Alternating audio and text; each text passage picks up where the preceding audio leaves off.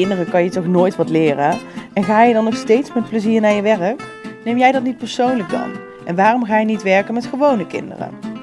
Als docent op een voortgezet speciaal onderwijs krijg ik regelmatig de vraag waarom ik doe wat ik doe.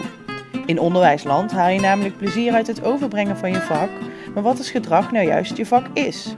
Wat als je graag onderzoekt wat er onder het gedrag zit en kijkt naar wat de leerling echt nodig heeft?